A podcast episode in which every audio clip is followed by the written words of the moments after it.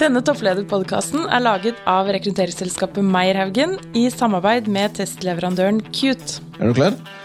Overbevisende. Ja. Hensynsfull. Ja. Ja, det er interessant. Resultatfokusert. ja, det er jeg. Besluttsom. Ja. Optimistisk. ja, det er jeg. Ja. Det er en av de sterke egenskapene, tror jeg. Behersket. Der vil jeg si tja. Ja, interessant.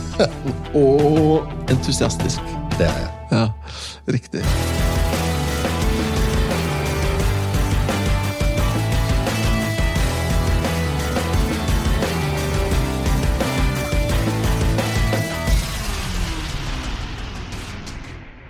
Ja, Sverre. I dag har vi en veldig spennende gjest med oss i studio. Ja, og Det er jo ikke første gang du sier det, for det er jo standardinnledningen din. Men jeg må jo si at den personen som er gjest i dag, han har den rollen, den topplederrollen som jeg først la merke til som barn. Ja, nettopp. Eh, og han har om mulig enda mer medieerfaring enn vi har. Ja. Og hvem er gjesten vår i dag, Petter? Det er Tor Gjermund Eriksen. Velkommen til deg. Takk skal dere ha. Og for å si det sånn, Du er jo da kringkastingssjef. og eh, det er mange, mange av de vi har hatt, har vært administrerende direktør og konsernsjef. og sånt, Men kringkastingssjef de er bare én. Det høres jo ikke ut som en veldig moderne tittel. Ja, det er ti stykker som har hatt den i norgeshistorien, eller noe sånt. Ja, Det er flere som har vært på månen enn de som har vært kringkastingssjefer. Ja, det er vel egentlig mange flere statsministre. Så det er vel eh, Ja. Og nå har jeg jo vært der eh, Det er, en, det er jo en det er et privilegium å og liksom, ennå jeg etter, Nå har jeg snart hatt den i åtte år, så jeg har vært en av de som har vært veldig lenge i den jobben. Men jeg må klype meg i armen fortsatt og tenke har jeg virkelig eh, Er jeg leder for NRK? Og har det oppdraget da, sammen med alle de flinke medarbeiderne. For Vi hadde jo en da, person som akkurat ble sjef i oljefondet, da, eh, Nicolai Tangen, og han sa at dette var sånn guttedrømmen sin. Har dette vært sånn guttedrømmen din, da, å bli sjef eh, i NRK? Nei, jeg, jeg må ha litt spesiell personlighet for å ha som guttedrøm å bli oljefondsjef. Eller jeg. Jeg hva han var opptatt av. Eh, nei, det tror jeg vel kanskje ikke, men, for det, var, det tenkte jeg ikke på. Men, men ettersom jeg fikk erfaring som journalist, jobba 25 år i mediene, hatt ganske mange lederjobber, så da den ble lyst ut da, for åtte år siden, eh, drøyt det faktisk, så, så tenkte jeg at dette er en helt utrolig jobb. Så hvis jeg kan få den så, og kan bidra til å løse den oppgaven, så ville det ja, Så kribler det i magen. Ja. Men men så det, er- det var en voksendrøm, kanskje. Men, men det som er likhet med liksom, det å være kringkastingssjef og oljefondsjef, da, det at det er jo noe større enn deg selv. Det er jo en offentlig stilling. Du forvalter ikke sant? Du forvalter framtidige generasjoners penger, altså pensjonen, men du forvalter, hva skal jeg si Sannheten. ja, det er jo kanskje å trekke det litt langt, men, men, men, men NRK har jo en særstilling i, i den norske befolkning, og i hvert fall for Kanskje ikke for barna våre, men i hvert fall for vår generasjon. Da. Jeg er født i 71. Og, og når jeg vokste, så var det jo bare NRK. Og det var totalt dominerende på, på, på, på radio og TV. Men NRK har en helt spesiell, uh, spesielt ansvar. Eh, Vi er et offentlig fellesgode i det norske samfunnet, et, eh, som skal for, forvalte vår felles historie. som skal sørge for at vi kan ta informerte beslutninger nå under korona. Eh, og heldigvis da, så, så er det sånn at NRK er nok en av de allmennkringkasterne i verden som har klart å fornye seg og omstille seg og utvikle seg, sånn at vi har fortsatt en sterk posisjon hos norske barn, hos norske ungdommer. Uh, og det er Jeg ser på det som en Altså Vår kjerneoppgave det er å være en raus, mangfoldig fellesarena i det norske samfunnet. Der alle vi som bor her i landet, kan eh, kjenne oss igjen og, og, kjenne og få vår virkelighet fortalt. Ja. Eh, og så er det enormt viktig det du snakker om, om tillit. Eh, Nå under eh, eh, virus og den nedstengingen så ser vi hvor viktig det er at folk forstår rådene. har tillit både til medier og myndigheter. og da nytter det ikke å bygge opp tilliten til NRK akkurat når det er en krise.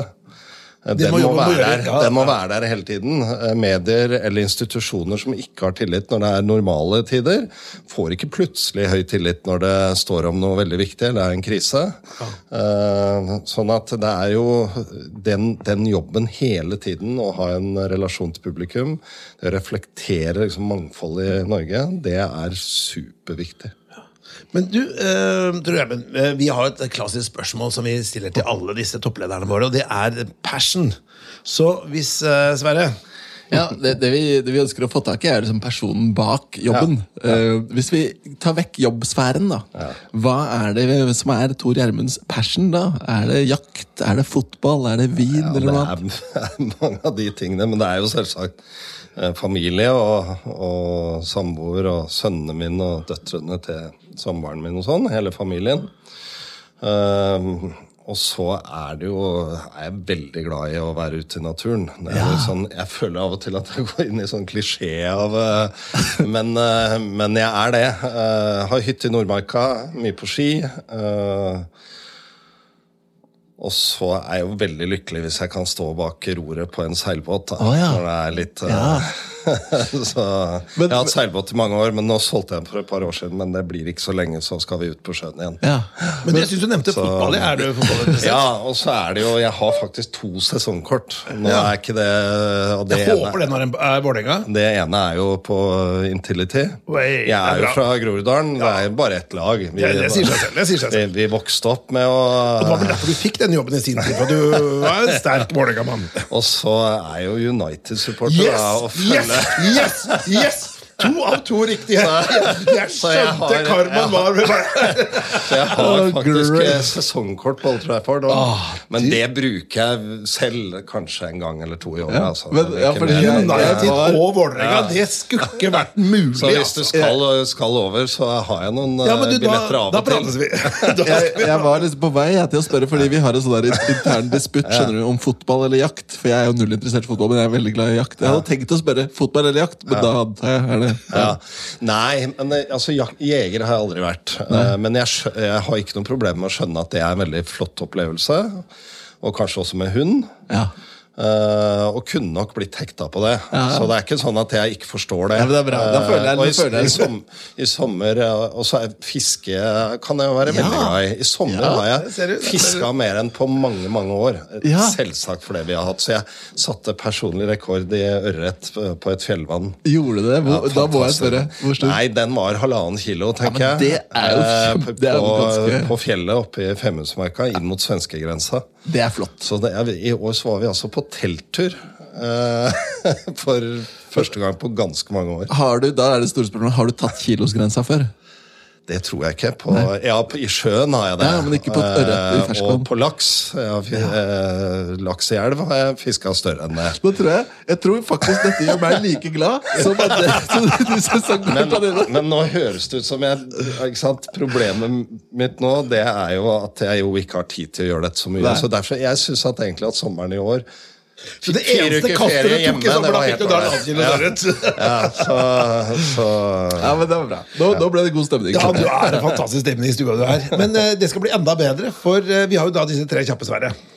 Ja, vi skal På slutten av praten vår så skal vi stille deg tre kjappe. Jeg introduserer de nå, sånn at lytterne kan få mentalt forberede seg. Det første er jo, Siden du tross alt er kringkastingssjefen, så må vi spørre om eh, din anbefaling på en film eller serie som du personlig setter pris på. Og da er det ikke lov å være politisk. Men, og den neste, da går vi litt sånn faglig inn i det. Da spør vi hva er den største tabben du har gjort som leder, og hva har du lært av det? Og det tredje spørsmålet det er sendt videre fra Tonje Sandberg, som er CEO i Accenture. Og det hun lurer på er, hvis du titter i krystallkula to til tre år fram, hva, hvordan ser verden ut eh, for deg og din bransje da? Eh, høre dine refleksjoner det er jo ingen som vet, men hva tenker du om det? De tar vi opp på slutten. Bra. Men eh, temaet litt i dag er jo dette med distrupsjon av media. Um, du Redmund, kan ikke du bare fortelle sånn Hva er status i Medie-Norge i dag? at endringene i brukervaner, teknologi, eh, global konkurranse er raskere enn noen gang. Eh, Men at ingen på en måte som spådde sånn og sånn er det om fem år, har hatt rett. Eh, For det første har mediebruken totalt sett eh, eksplodert. Altså vi bruker mye mer. Og den globale konkurransen som vi har blitt vant til, er jo egentlig de siste fire-fem årene kommet. Da jeg begynte som kringkastingssjef, eller jeg ble ansatt høsten 2012 og begynte utpå nyåret på, i 2013, da visste vi, altså verken du eller jeg, hva Netflix var. Eh, og da hadde riktignok TV 2 hadde jo en strømmetjeneste, Sumo, men det var, altså bruken var minimal.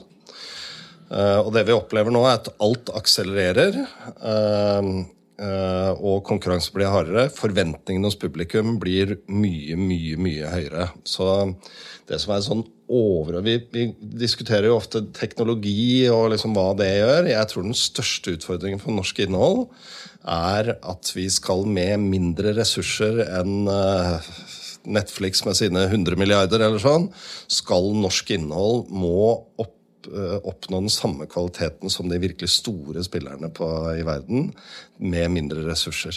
For det er jo det som er utfordrende. Hvis vi tar parallellen tilbake til, Oslo, til, til, fotball, da, ikke sant? Altså, Du ser jo Manchester United og Premier League, Champions League, som er liksom best i verden.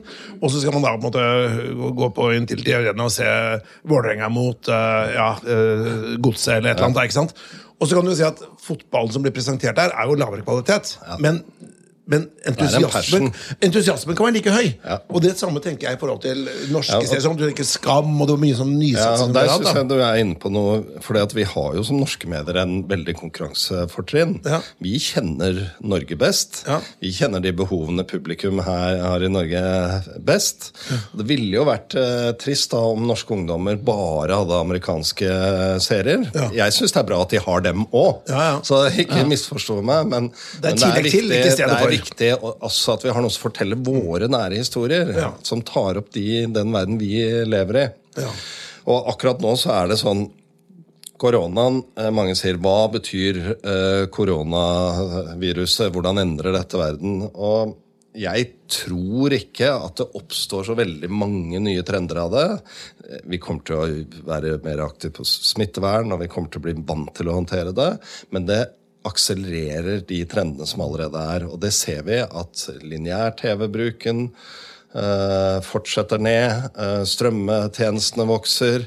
Uh, mobilen vokser. Altså det er en enorm endring i dette. Og når, når bruken flytter seg til steder der du kan ha liksom det totale utvalget. Du kan velge hva som helst fra hele verden. Ja, ja. Så blir det tøffere konkurranse. Ja, det blir jo det, men, men du nevnte det jo litt i stad. At dere NRK har jo klart holdt på å si på magisk vis, mystisk vis, å beholde en eller annen form for posisjon. Da. Fordi Hvis du ser på mange andre store statlige aktører, så er det jo når du blir konkurranseutsatt, så er det jo et stort slag. ikke sant? Hvis du ser på jernbane eller andre ting. Men jeg må jo si at NRK, sett fra utsiden, har klart veldig godt å tilpasse seg og adaptere innhold. Jeg har en gutt som er ti år, som kommer inn iblant til meg med en YouTube-video. Se på den her, Og så ler han, da. Og så er det en eller annen NRK-produksjon. da. Mm. Og jeg syns også det er gøy, ja. men det treffer en målgruppe som vi vanligvis Som er liksom langt nede. da. Ja. ja jeg vil si i hvert fall sånn som uh, at, at uh, NRK har vært mye djervere da, i satsingen. Jeg husker alt fra sånn Lille Lørdag og, og Team Antonsen og, liksom, og det der. Mye bedre enn noe av de kommersielle, og dere turte mye mer. da.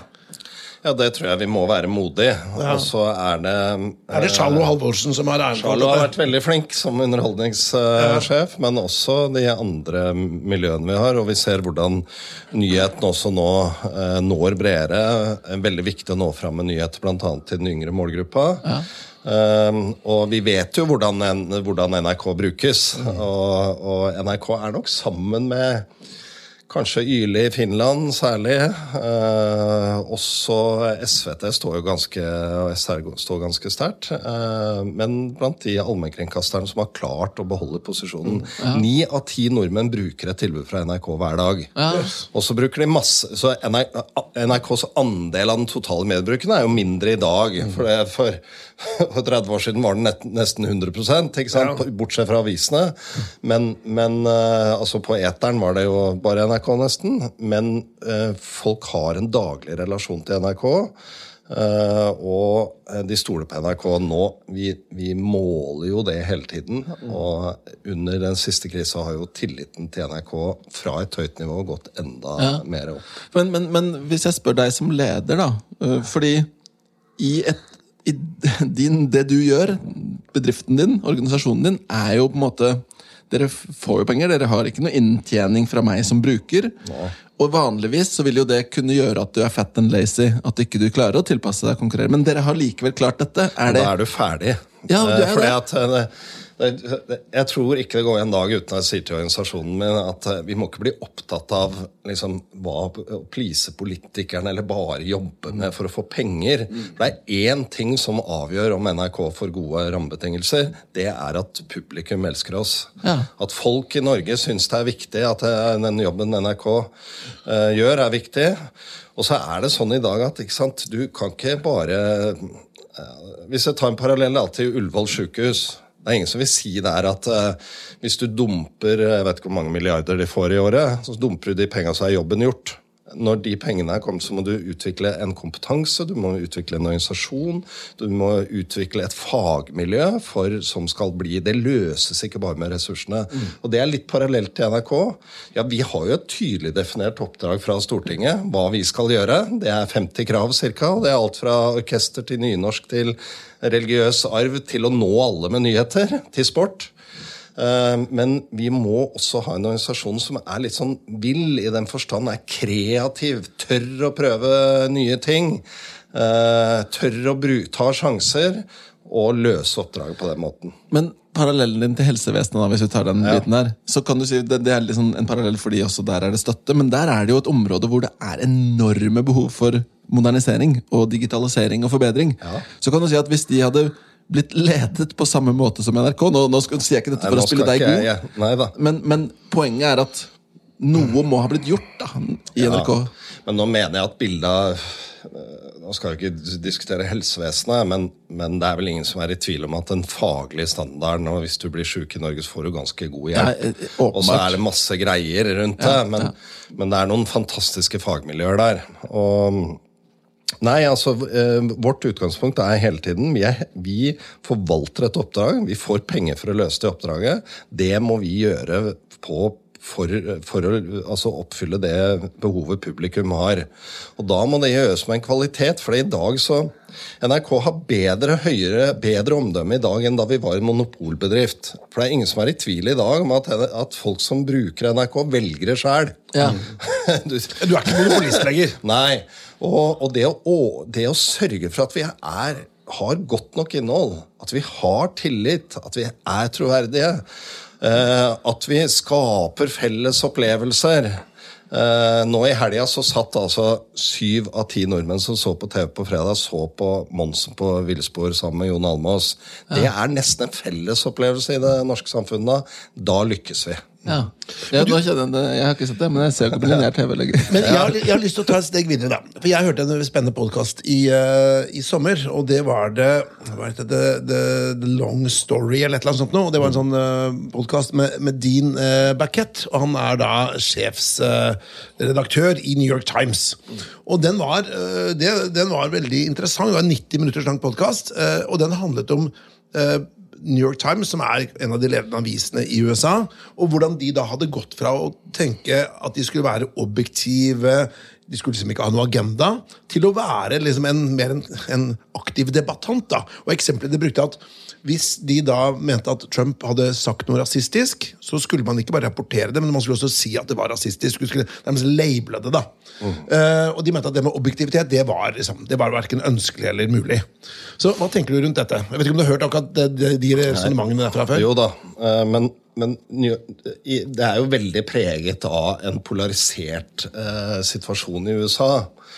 Så må vi huske på at en av, Jeg mener virkelig at en av de aller viktigste verdiene ved Norge er tillit. Og hvordan bygger vi den tilliten? Jo, det er at vi har noen fellesting i Norge.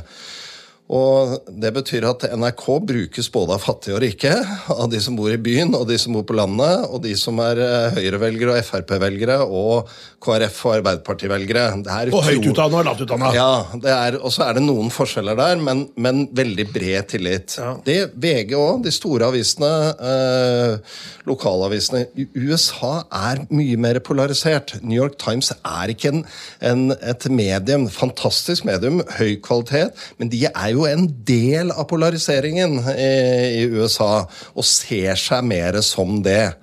Uh, og man kan litt fleipete si at leserne og publikum til New York Times det er på mange måter eliten, den ypperste eliten i, i, USA. Det er ikke vanlige folk i Midtvesten som leser New York Times. Så litt elitistisk avis? Ja, også, og, og som Det er som Morgenbladet i Norge? Jo, men Morgenbladet Ja, det, det kan du si. Uh, Eller Klassekampen? Ja, da, det er mer en nisjeavis. Ja. Men, men, i tillegg til de nisjene i Norge, så bruker de fleste av oss noen av de store mediene. Men, men det, jo, det, vil jo være noen som påstår at de store mediene også har en vinkling eller er vridd. Ja, mange mener det. Eh, og vi har jo en vinkling. Det ligger jo eh, altså Jeg er ikke så veldig glad i ordet eh, objektivitet, for det, det, virker som om man liksom ikke har noen prioritering. Men vi skal speile bredden i, i meninger. Bredd, mangfoldet av folk og meninger ja. og syn.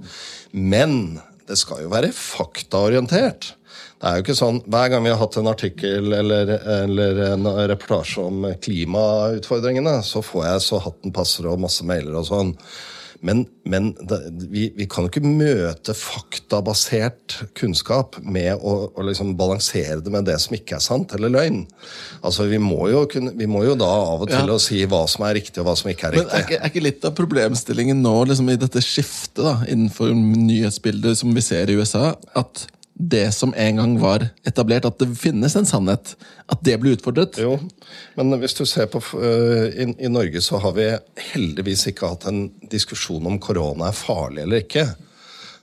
eller, eller, en diskusjon om vi skal tro legene som forsker på korona. Det har vi, vi har en felles tillit til de ja.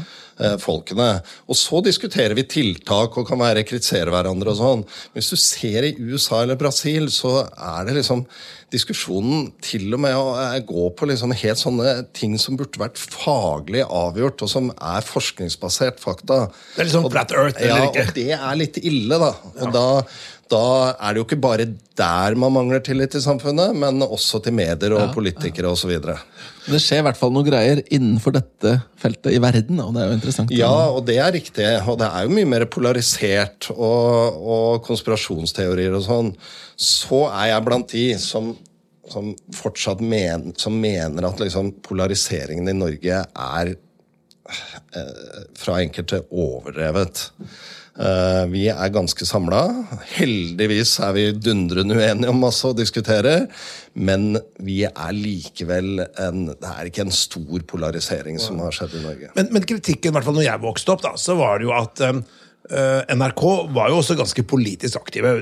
Ganske på venstresida i altså, typisk Arbeiderpartiet. Det var ARK, og du hadde jo uh, Veldig mange av de som ble sjefer i NRK, hadde jo en, hadde i hvert fall partiboka i orden for Arbeiderpartiet. Ja, ja. Og det var politiske utnevnelser. Ja. Så jeg tror nok uh, med rette at det var ganske sånn uh, venstrevridd. Jeg husker jeg satt så på Tramteatret da jeg var liten. Jeg husker faren min hytta med neve, for da var det enhver sånn derre uh, De som var sånn eh, Audun Automat, og de som var sånn uh, privat næringsliv, som han var da, de var jo behandla som onde og dumme, mens de som jobba i offentlig sektor, de var snille og gode. Og, og, Nei, men det, nå skal jeg, nå, det bildet blir jo litt fortegna, det du gjør nå, men du har jo helt rett at det var en, en diskusjon. Ja.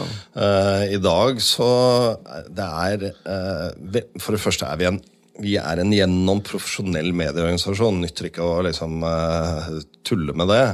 Og jeg er opptatt av, hele organisasjonen er opptatt av å reflektere mangfold av meninger, bidra til samfunnsdebatt. Ikke fortelle folk hva de skal mene, men gi folk et grunnlag for å ta egne standpunkter. Og det ser vi jo. Tilliten til NRK nå er altså ja, De siste tallene var liksom opp mot 90 mener at uh, vi, vi, gjør en, uh, ja, en. De ti siste prosentene skjønte ikke spørsmålet? Nei, det vet jeg ikke. Men ikke poenget, er at, poenget er at vi må ha tillit uh, over hele, hele spekteret. Men vi kan jo ikke begynne å, å liksom tvile på når ting er hva som er sant og ikke sant. Der må vi jo stå av og til i litt uh, kritikk i noen spørsmål. Ja. Men hva vil du si er den vanskeligste Du som toppleder, nå skal vi, for dette er en topplederpodkast, hva vil du si er liksom den største utfordringen for deg som toppleder i NRK? da? Nå tenker jeg både organisasjonsmessig, men også uh, journalistisk. Nei, det eh, Altså, nå er det jo sånn at som leder i NRK, så er jeg jo ikke tett på de konkrete journalistiske valgene til daglig. For det foregår eh, på, i delegerte redaktørlinjer. Eh, men det mest krevende er jo å holde, drive endringer, øke kompetansen, øke kvaliteten, få tak i de beste til talentene til enhver tid. Så oppgaven er sørge for at folk i Norge liker å bruke og velger å bruke NRK. Ja, for det, det som slo meg litt nå etterpå, når vi, mens vi snakket her, at vi, vi diskuterte jo litt i stad dette med hvordan har man holdt seg i skoene. holdt opp si. Mediebransjen har jo stått overfor en inntjeningsutfordring. Ikke sant? Hvor du Ja. begynner å se på annonseinntekter og sånn. Men for dere så har jo egentlig utfordringen vært fokusert mot hvordan kan vi være relevante. Ja, det er, det er kanskje det aller viktigste spørsmålet. Og Men så ser vi jo også at eh, ikke sant, nå, nå kommer eh, en veldig eh, påkosta høykvalitetsdramaserie fra NRK nå om noen, noen uker. En av de største satsingene vi har hatt. Er det- er det- Atlantic Crossing. Om, eh, om eh, eh, kronprinsesse Märtha i Det hvite hus under krigen. Fantastisk stor serie. Den, hele den serien koster omtrent som én episode av The Crown. altså, En superdyr norsk serie koster mellom 100 og 200 millioner. En, eh, en serie som lages i, av Netflix eh, for det amerikanske markedet, koster mellom 1 og 2 milliarder. Eh, Men jeg kan ikke gå til deg og så si at du, du må se denne dramaserien. Den er ikke så god, for vi har ikke så mye penger. ja. Men du må se den fordi den er norsk. Ja, da kommer du ikke til å velge det. Så det å sørge for å være Og det kan gjøres, den kvaliteten kan gjøres på to måter. Det er jo selvsagt å få mye ut av penga og god kvalitet, men det er også å være relevant. Ikke sant? Det er å ta de historiene som er viktige for oss. Og Skam, som jo ble en verdenssensasjon, den var jo ikke spesielt dyr. Den var fordi den var spesielt viktig og spesielt relevant for eh, norske unge eh, mennesker. Og så var den vel, den var vel litt, kall det annerledes, eller? Ja, den var, jo, den var jo revolusjonær på at den var liksom eh, publisert i var sam- samtid. Ja. samtid, ikke sant? Den var helt fantastisk. Men dette kobler jo rett inn på vil jeg tro, da, det du sier om talent, kompetanse. fordi det er klart, har du de beste folka, så er jo det en vei å få til dette. For du, du, som du sier, det er jo ikke du som gjør det her, det er jo folka dine. Men jeg- det er helt riktig. Men i Norge så er det sånn at du må jo være attraktiv for talent, men du må jo også utvikle talent. Det er jo ikke sånn at folk blir født med kompetanse til Julie Andem. Eh, Julie Andem som sto bak Skam, er, et, er åpenbart en fantastisk eh, eh, dramaskaper og talent. Hun hadde jo da jobbet i NRK i mange, mange år med nettserier Jenter, altså for NRK Super, utvikla kompetansen med mange eh, andre. Det er, jo ikke, det er jo sånn at Du må ta ansvaret for å, du må ha en organisasjon som både er attraktiv for å hente inn talent, men ikke minst legger til rette for å utvikle talent. Men vi, vi snakket med, med Tonje, så snakket vi litt om innovasjon. Og det er klart, det hjelper ikke om du har folk som går den skolen internt, som lærer seg drama mot jenter inn her, hvis ikke du har et rom, et mulighetsrom til å drive innovasjon, til å tørre å gjøre ting som er annerledes. Så, så det, der må dere jo ha Nei, og Der tror jeg jo mm, eh, at utvikling, omstilling, nyskapning eller innovasjon det var sånn, det gjør vi litt sånn i mai neste år. Eh, sånn var det før, og du gjør det i perioder. Du hadde en egen utviklingsavdeling, liksom. Ja, ja men og, og, og, og sånn Nå, det er en del av den normale driften som du må ha prosesser på og struktur på, akkurat som regnskap og HR og produksjon. Og NRK er en litt sånn spesiell bedrift. for det er på, på, Vi er en kreativ bedrift, og det skal være kreativ galskap. Det skal være komme på ting når folk kommer og sier nå, nå eh, skal vi ha rundt Svalbard eh, minutt for minutt, eller vi skal Korona sekund for sekund. ja, eller eh, altså ut, utrolig mange ting som eh, virker liksom helt rare. Det, da skal du jo ha en organisasjon som ikke slår ned det. Det er jo helt dust. Men, ikke sant? Men så er vi også en litt sånn prosessindustri. Ikke sant? Vi, fordi at eh, Dagsrevyen skal på klokka 19.00. så vi er både liksom en produksjon med korte frister og prosesser, og dette må gjøres, men oppi dette en skapende bedrift. Ja.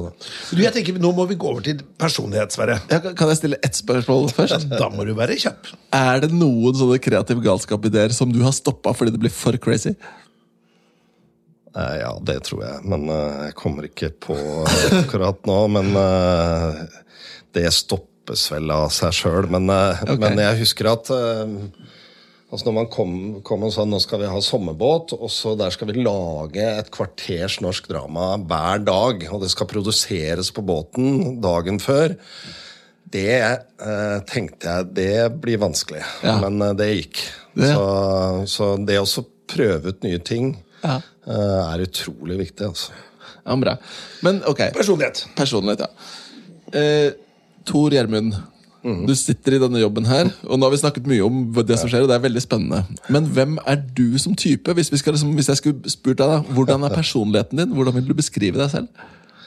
Um, nei, altså jeg er, uh, en, jeg er ekstremt ekstrovert, men jeg håper å, at jeg liksom bruker det på en bra måte. Eh, jeg, jeg er veldig glad i å jobbe med folk. altså Sitte aleine, liksom. Da skjer det ikke all verden. Jeg må, må ha folk å jobbe med. Og så håper jeg at jeg liksom er i stand til å ta beslutninger, da. Men lytte.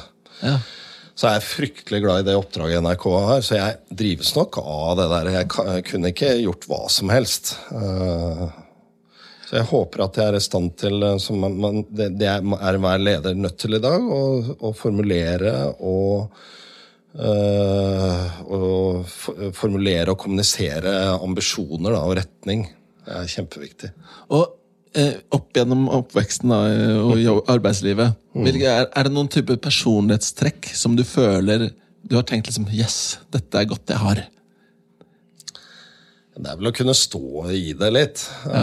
Det er ikke sånn all verden Det er jo litt eh, støy her og der. Og det å tro at eh, det å ha evne til å se at verden går ikke under selv om det er litt støy i dag, eh, det å stå eh, og kunne ta kritikk, ta litt sånn Være med på å ta så robustheten. Ja.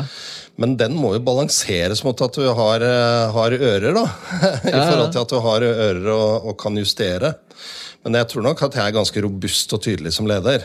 eh, Og kan, og kan og stå i det. Ja. Hvis, du, denne, hvis vi hadde spurt dine kolleger i NRK versus du nevnte familien din i stad, ville de beskrevet deg på samme måte? Det må du spørre dem om. Jeg har for lengst slutta med å svare på spørsmål som, eh, som, som går ut på hva ville andre sagt om det og det. Det får du spørre dem om. Men, eh, men kanskje noe lignende, vil jeg tro. Ok. Vi, vi jobber jo med, med test, testleverandør som heter Qt. De har en, eh, en personlighetstest som heter Shapes Executive, og der ser de på noen sånne ulike trekk. Jeg har tatt hundrevis av sånne, så jeg har ganske tydelig profil. Ja, ja, du er det, ja. ja. da skal vi sjekke deg. Nå skal jeg stille deg spørsmål om åtte forskjellige trekk. Og så vil jeg at du skal svare ja eller nei på om du mener at du har dette. Eller, Ja. Er du klar? Overbevisende. Ja. Hensynsfull. Ja. Ja, det var interessant. Resultatfokusert. ja, det er jeg. Besluttsom. Ja. Teoretisk. Uh, jeg, I denne sammenheng vil jeg si nei. Nei. men ja, jeg er det òg, men eh, nei. Optimistisk. Ja, det er jeg. Ja. Det er en av de sterke egenskapene, tror jeg. Behersket. Eh, der vil jeg si tja. Ja, interessant. Og entusiastisk. Det er jeg. Ja, riktig. For disse, disse personlighetsegenskapene er det uh, hvert fall mener at lader spesielt på toppledere. da, Topplederskap. Ja. I motsetning til uh, mellomlederskap. Og eh, det interessante med måten du svarer på, er jo at du er ganske, sånn, du er ganske tydelig. Og du sa jo selv at du har tatt mange tester, og du har en veldig tydelig profil. Jeg har det. Eh, men jeg har lyst til å gå litt på når jeg sier hensynsfull, så sier du ja veldig tydelig, men så ler du. Hva var det for noe? Nei, altså jeg, jeg håper at jeg har en Eller jeg tror jeg har en empati. For det er mye diskusjon om toppledere er empatiske eller ikke. Eh, så jeg, eh, jeg er det, men jobber på vårt, eh, på vårt nivå, så må man også ta noen beslutninger som eh, andre oppfatter som, eh, som tøffe, da. Ja. Det er ikke noe jeg liker å gjøre, men det, det hender man må gjøre det. Ja, for da har du, og Hvis jeg skal liksom analysere deg litt, da, så har du en kombinasjon av en, Du sier ja på hensynsfullhet, men så må du ta noen valg i mandatet av lederen din. Men så har du også sagt at du Jeg er nok å veldig stå i det. drevet av, liksom bedrift, eh, av be- bedriftens eh, behov, da. Ja, ja. Eh, det er jeg. Og behersket sa du tja på. Ja, for jeg er, jeg er ekstrovert og kan, øh, kan øh, et, det er veldig, jeg tror, jeg tror det er ganske lett å lese meg, da. Men, men det som er Men øh, det er ikke, jeg er ikke sånn som liksom går inn i et møte og så etterpå møtet nå sa jeg noe jeg ikke hadde tenkt. og sånn. Nei, nei, det, er- det er nei. ikke på den måten, men, men jeg, jeg, har en, jeg er dårlig til å ljuge. Altså, hvis Ja, jeg syns noe er, øh, ikke er så bra, så tror jeg det er lett å se, og motsatt. Det er kort vei fra hodet til munnen. Ja. Ja. Men du, jeg tenkte på at det, det man sier med sånn resultatorientert, og liksom alle vil jo være det, da. Men motsetningen av resultatorientert er jo la oss si prosessorientert. ikke sant? At Det er, liksom, det er ikke bare resultatet, det er, du går ikke over lik. eller liksom sånn der, ikke sant? Men det er også liksom, du har folka dine med deg, forankre og sånne ting. da. Så det må være veldig resultatorientert. Det er ikke udelt positivt, ville jeg tenkt. Hvertfall Det ser vi på en måte når vi jobber med topplederutvelgelse og, og spesialistrekruttering. da.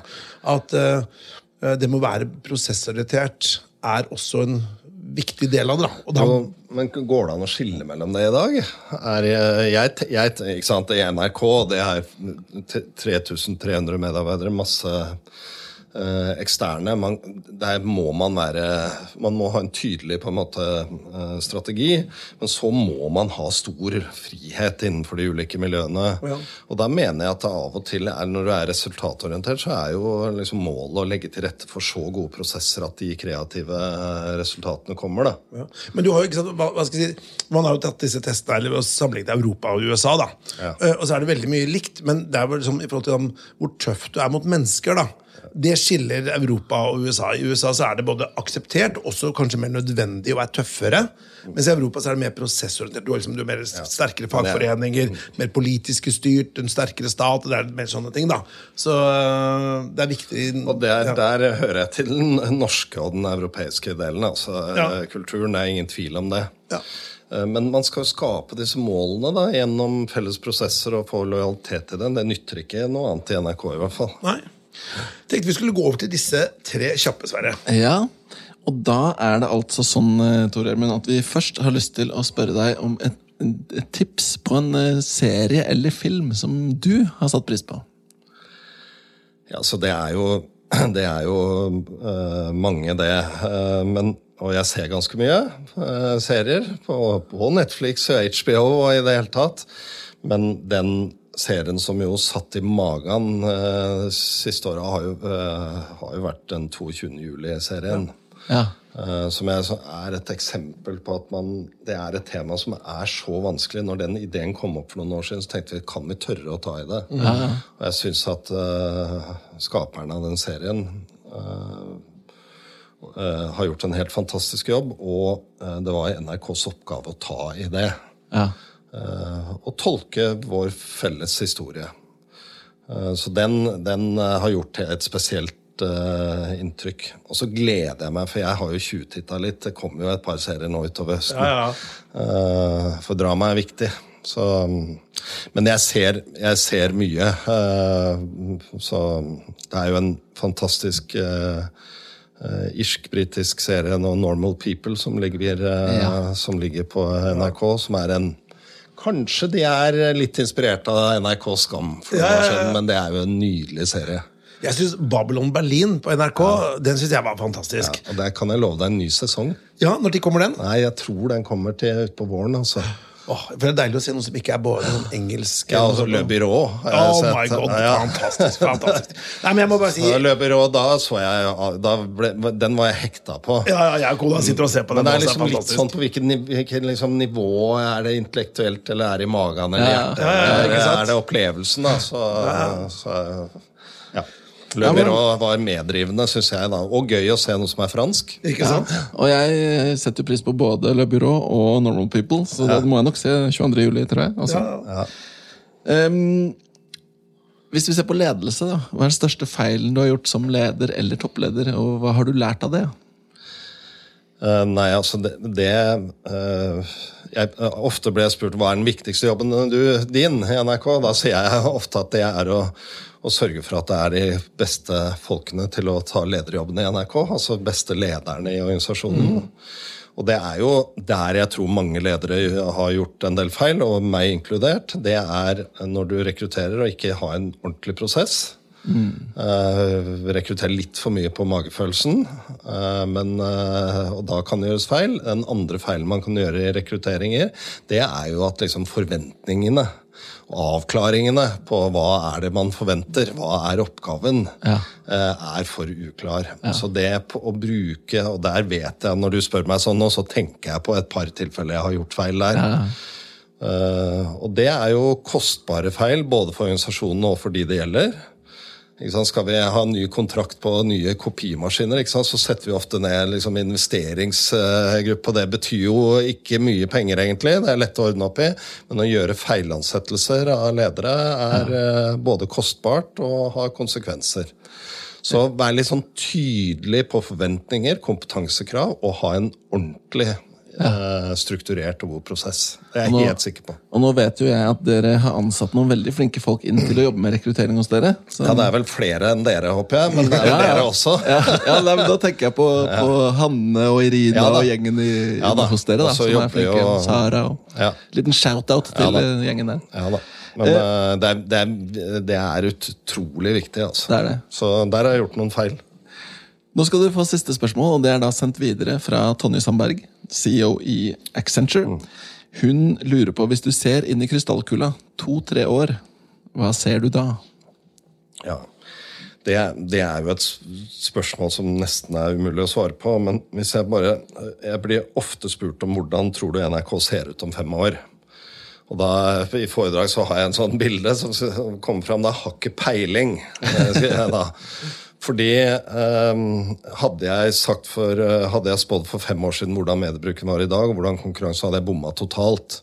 Og Derfor så sier jeg at jeg kan ikke svare på hvordan eh, NRK ser ut, men jeg kan svare på hvilke egenskaper vi må ha.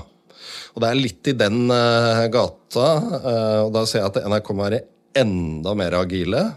Enda raskere til å forstå utviklingstrekk, forstå publikums eh, behov enda raskere til å ta i bruk og ny teknologi. Eh, sånn at vi må være mer fleksible, eh, raskere, høyere kvalitet. Så jeg kan si ganske mye om hvilke egenskaper en organisasjon må ha om fem år, men ikke hvordan den ser ut. Ja. Og Hvis jeg trekker det over på dette temaet, så er det jo rett og slett et, en nøkkelfaktor for å lykkes framover. Det er hvordan i huleste skal man være en så attraktiv organisasjon at de beste talentene ønsker å jobbe eh, akkurat hos dere? Ja.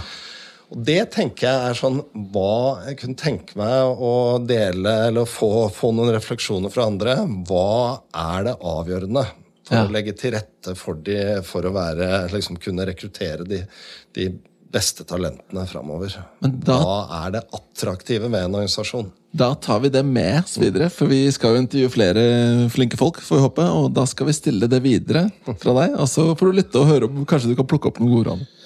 Du, Vi går inn for landing nå, men det er et uh, viktig uh, altoverskyggende spørsmål eller på tampen.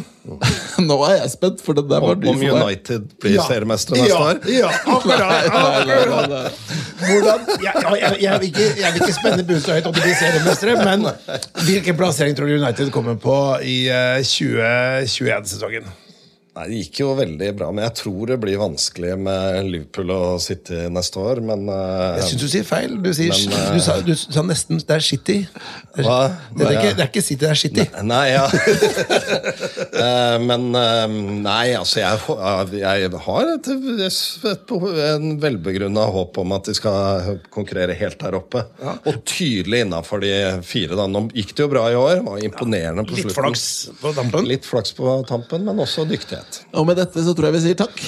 Da, men de trenger et par nøkkelspillere. Jeg vil si ja. en spiss, jeg vil si en kant og en, en midtstopper. Da, en midtstopper er jeg helt enig i. Og da tror jeg vi kan opp og nikke. Da sier jeg på vegne av, på vegne av Meyer Haugens topplederpodkast takk for oss. Så kan eh, Tor Gjermund og Petter fortsette diskusjonen om Manchester United etterpå. Tusen takk. Kjempefint. Tusen takk. Har du innspill eller kommentarer til denne podkasten, kan du sende en e-post til toppleder at meierhaugen.no.